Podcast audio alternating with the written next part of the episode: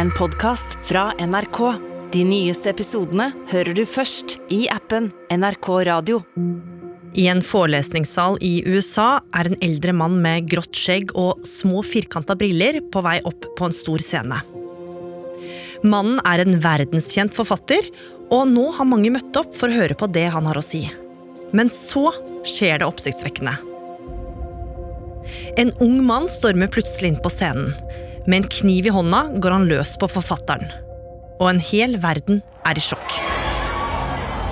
Author Salman Rushdie attacked on stage in western New York. He was about to give a lecture when police say a man stormed the stage and stabbed him in the neck.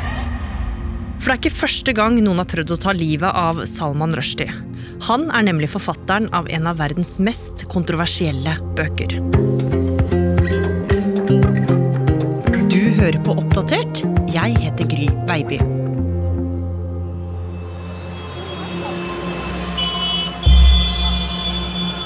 Året er 1988. På et forlag i New Delhi i India har en ansatt fått inn et nytt bokmanus til gjennomlesing. Tittelen på manuset er Sataniske vers. Ettersom han blar seg fra side til side, oppdager han at teksten den inneholder skikkelig sprengstoff. For i bokmanuset blir det beskrevet hvordan profeten Mohammed får en åpenbaring om at det ikke bare fins én, men flere guder, stikk i strid med islams lære. I en annen scene i boka blir det beskrevet et bordell hvor alle de tolv prostituerte har fått navn etter profeten Mohammeds koner. Når den forlagsansatte omsider legger boka fra seg, så er han ikke i tvil om at dette aldri må publiseres. Nei, denne forlagsmedarbeideren han mener altså at denne boka kan oppfattes som spottende og blasfemisk av mange. Han frykter at enkelte vil oppfatte at boka tråkka på islam. Nå må jeg legge til at det er bare en bitte liten bit av denne boka som faktisk handla om det, men han frykter altså at den delen av boka er såpass kontroversiell at det kan føre til en boikott av forlaget dersom den blir gitt ut i India. Så han eh, går til sjefen og advarer mot å publisere manuset. Odd Isingseth, du er journalist her i NRK. Og mannen som har signert dette manuset, det er ikke hvem som helst. Det er den kjente forfatteren Salman Rushdie. Hvem er han? Han er en veldig berømt forfatter. Han er født i en muslimsk familie i India, som emigrerte til London. Eh, da gikk han eh, mer eller mindre bort fra sin islamske tro, og har karakterisert seg sjæl mer eller mindre som en ateist eller en fritenker. Han studerte ved Oxford. Han var interessert i historie, og særlig det som knytta seg til konservativ islam. Og da eh, forlaget mottok dette manuset, så var jo Salman Rushdie allerede verdensberømt. Han var kjempestor i India. Han hadde gitt ut boka 'Midnattsbarn', som hadde et rekordopplag, og som egentlig handla om den indiske historien.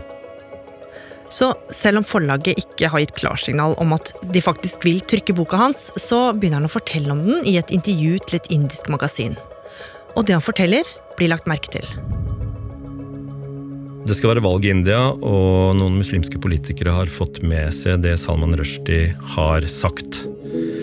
Eh, de har altså fått med seg at en av verdens mest kjente forfattere, den virkelig store forfatteren i India, har skrevet ting som kan bli oppfatta som at det spotta islam.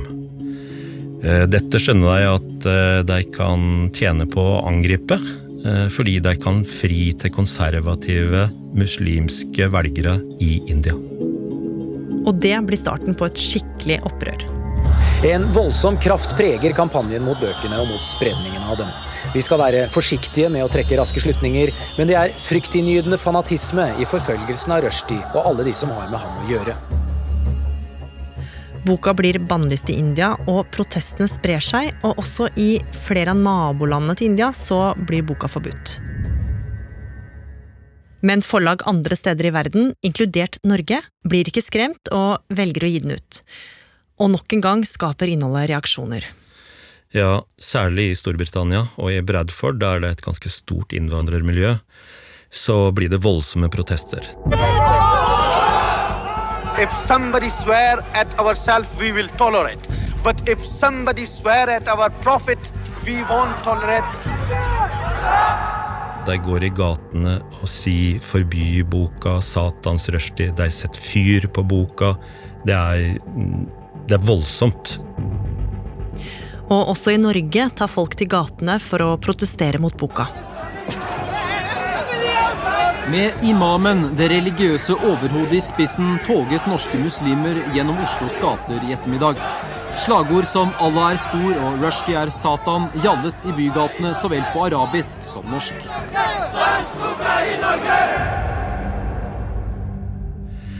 De sier at de føler seg tråkka på. De hevder at boka er blasfemisk. Men det er nok òg en annen forklaringsgrunn her som handler om at eh, dette ble identitetspolitikk. Og dette opprøret sprer seg jo òg til mange muslimske land. Til land der boka ennå ikke er forbudt, f.eks. For det ender med at den blir forbudt i veldig mange muslimske land. Men ikke bare det. Boka hisser også på seg et av verdens mest brutale regimer. Og en vinterdag i 1989 går en talsmann for Irans mektige leder Ayatollah Khomeini ut på iransk TV og begynner å lese en beskjed på vegne av lederen.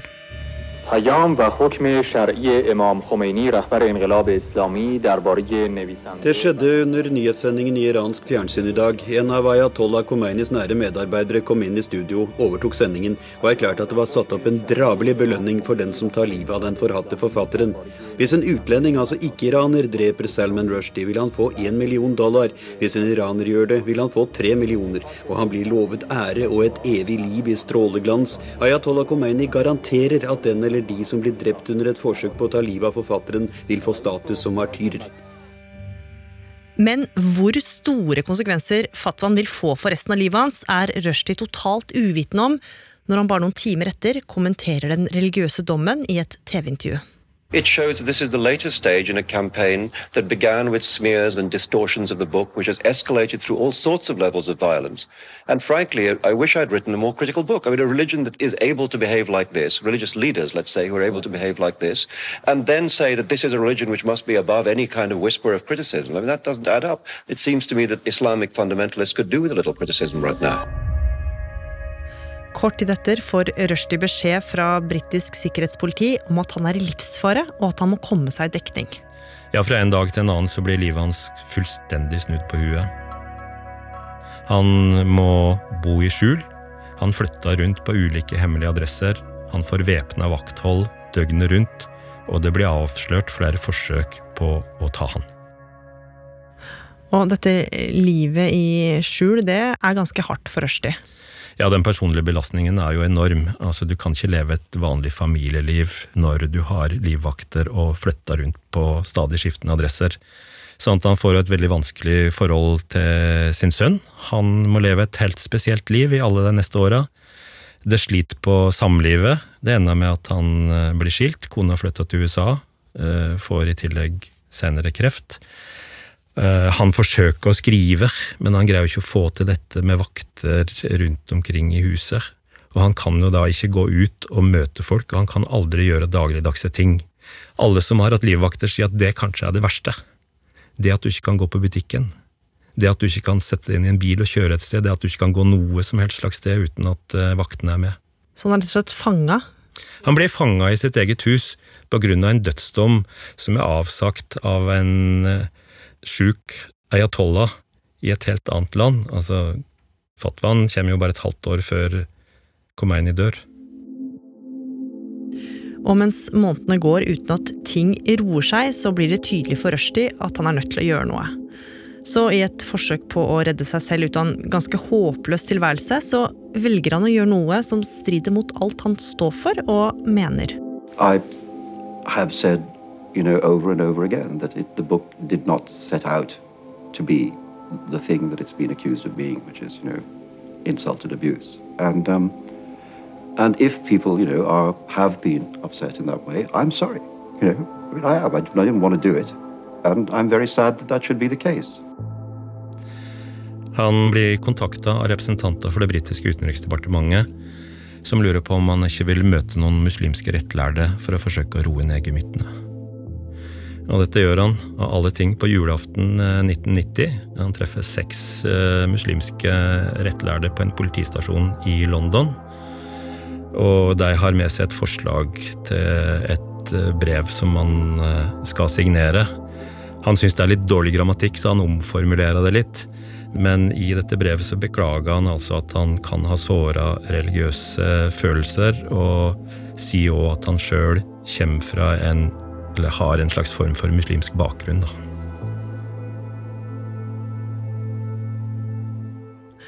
Og med dette møtet så har kanskje Rushdie et lite håp om at situasjonen skal bedre seg, men bare kort tid etter så kommer svaret fra Ayatollah, og det er ikke særlig oppløftende lesing.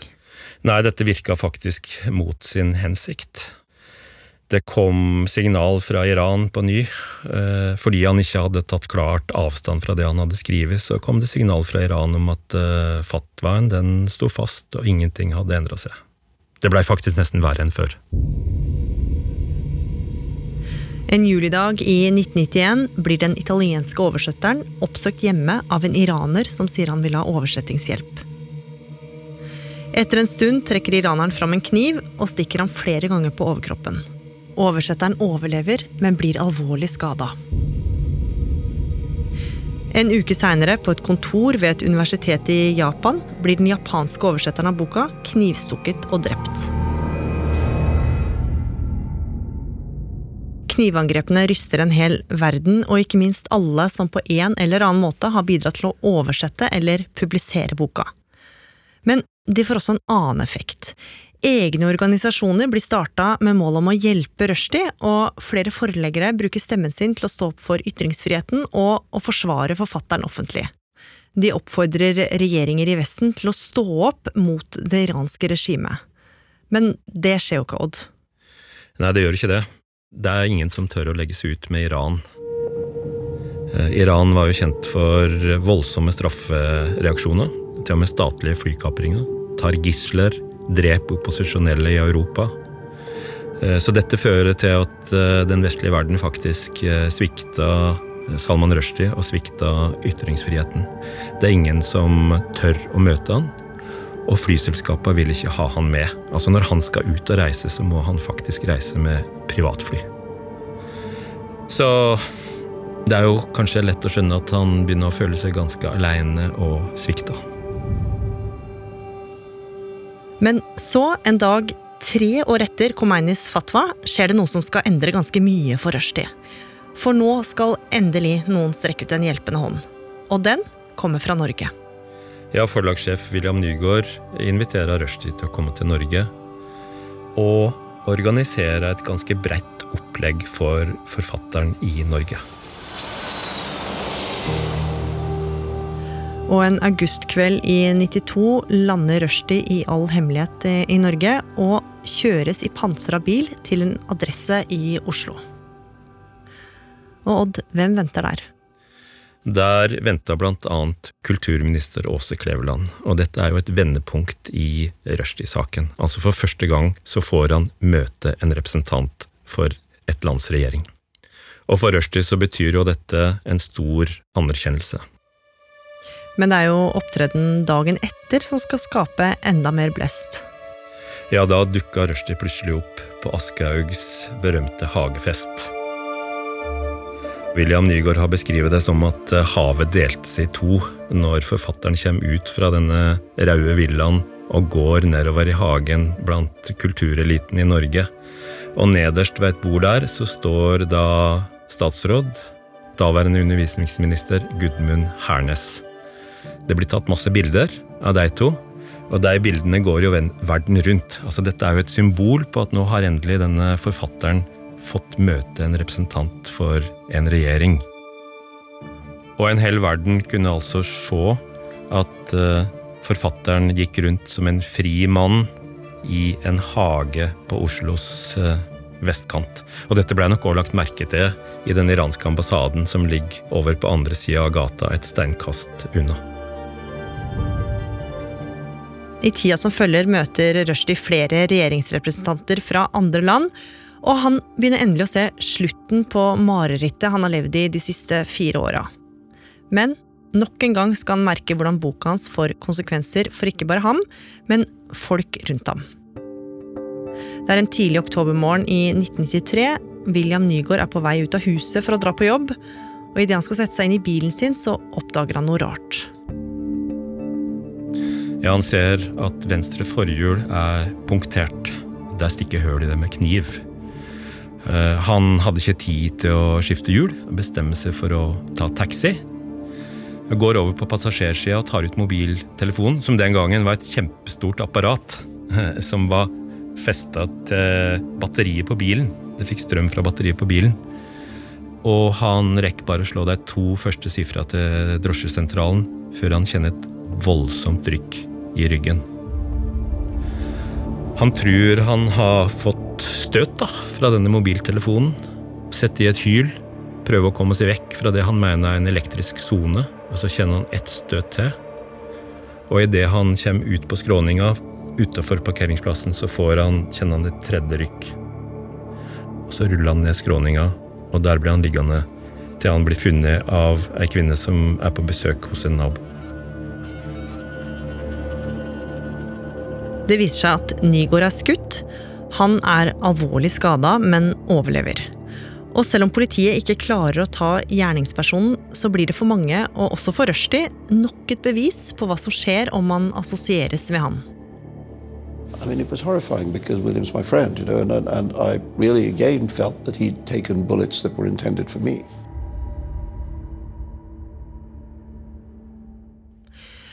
Men attentatforsøket skal vise seg å bli en vekker for flere av Rushdies støttespillere. For nå har land over hele verden fått nok, Odd. Ja, nå begynner regjeringer å reagere og kreve brudd med Iran. Og det blir iverksatt en del framstøt for å få oppheva fatwaen. Men eh, det tar sin tid. Det går mange år. I 1998 så kommer det et lite gjennombrudd. En avtale mellom Storbritannia og Iran. The government of the Islamic Republic of Iran has no intention, nor is it going to take any action whatsoever to threaten the life of the author of the Satanic Verses or anybody associated with this work, nor will it encourage or assist anybody to do so. Og som en del av avtalen så kommer Irans regjering med en offentlig erklæring hvor de sier at de verken vil støtte eller hindre attentat på Rushdie. Og hva vil det si, Odd? Oppløser de med det her fatwaen? Nei, en fatwa kan faktisk ikke trekkes tilbake. Så den blir stående, men det sentrale her er at den iranske regjeringen sier at de ikke vil gjøre noe som helst for å fullbyrde den.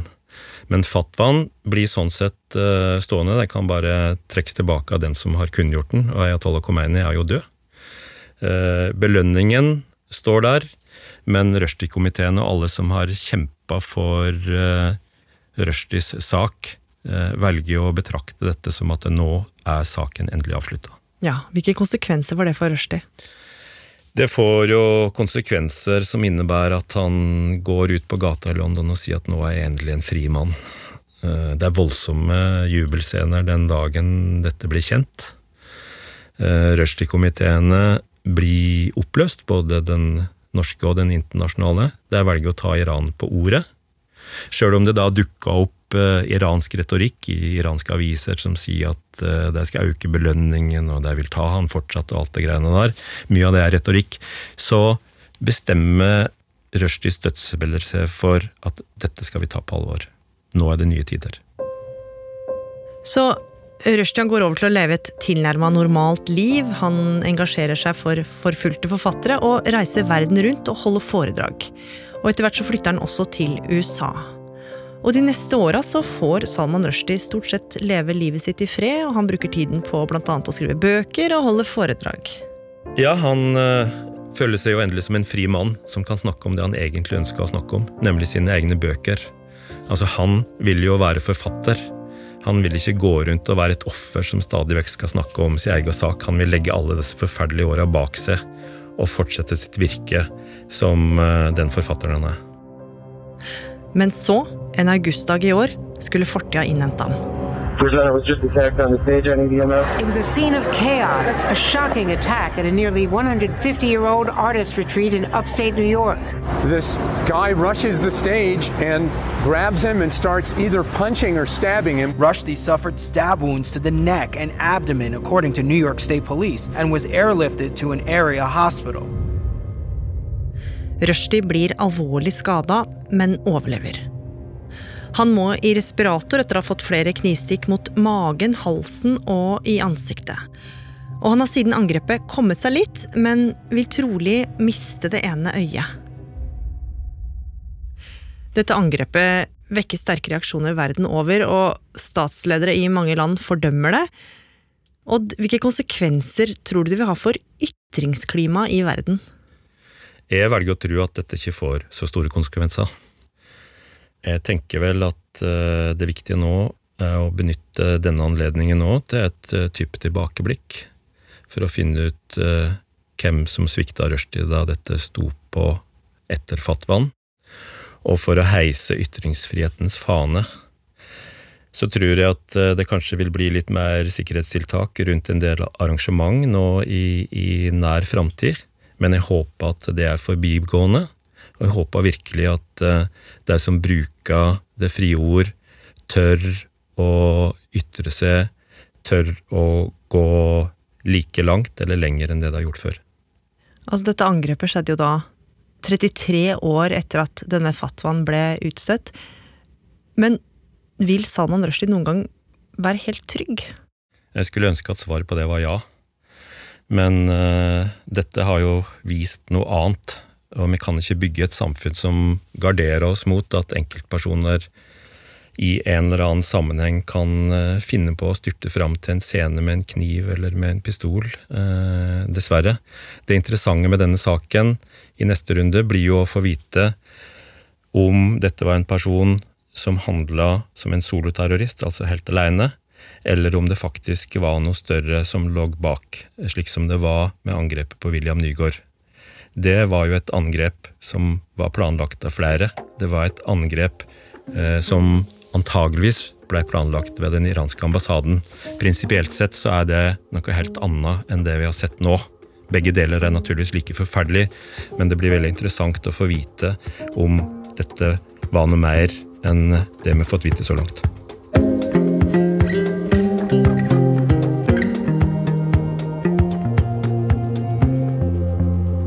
Oppdatert er en podkast fra NRK Nyheter, og denne episoden er laga av Lars Hægeland. Andreas Berge. Og meg, Gry Veiby. Programredaktør er meg, Knut Magnus Berge. I denne episoden har du hørt klipp fra The Telegraph, CBS, TV 2, The Fifth Estate, BBC, MSNBC, CNN og NRK. Har du tips eller innspill, så må du gjerne sende oss en e-post på oppdatert krøllalfa nrk.no. Og du, liker du det du hører, så må du gjerne anbefale oss til en venn. Marsha P. Johnson var delaktig i Stonewall-opprøret, som ble utspringet til pride, og via livet til å forandre de trange samfunnsnormene hun ble født inn i. Hør historiske kjendiser med meg, Alexandra Gjerpen.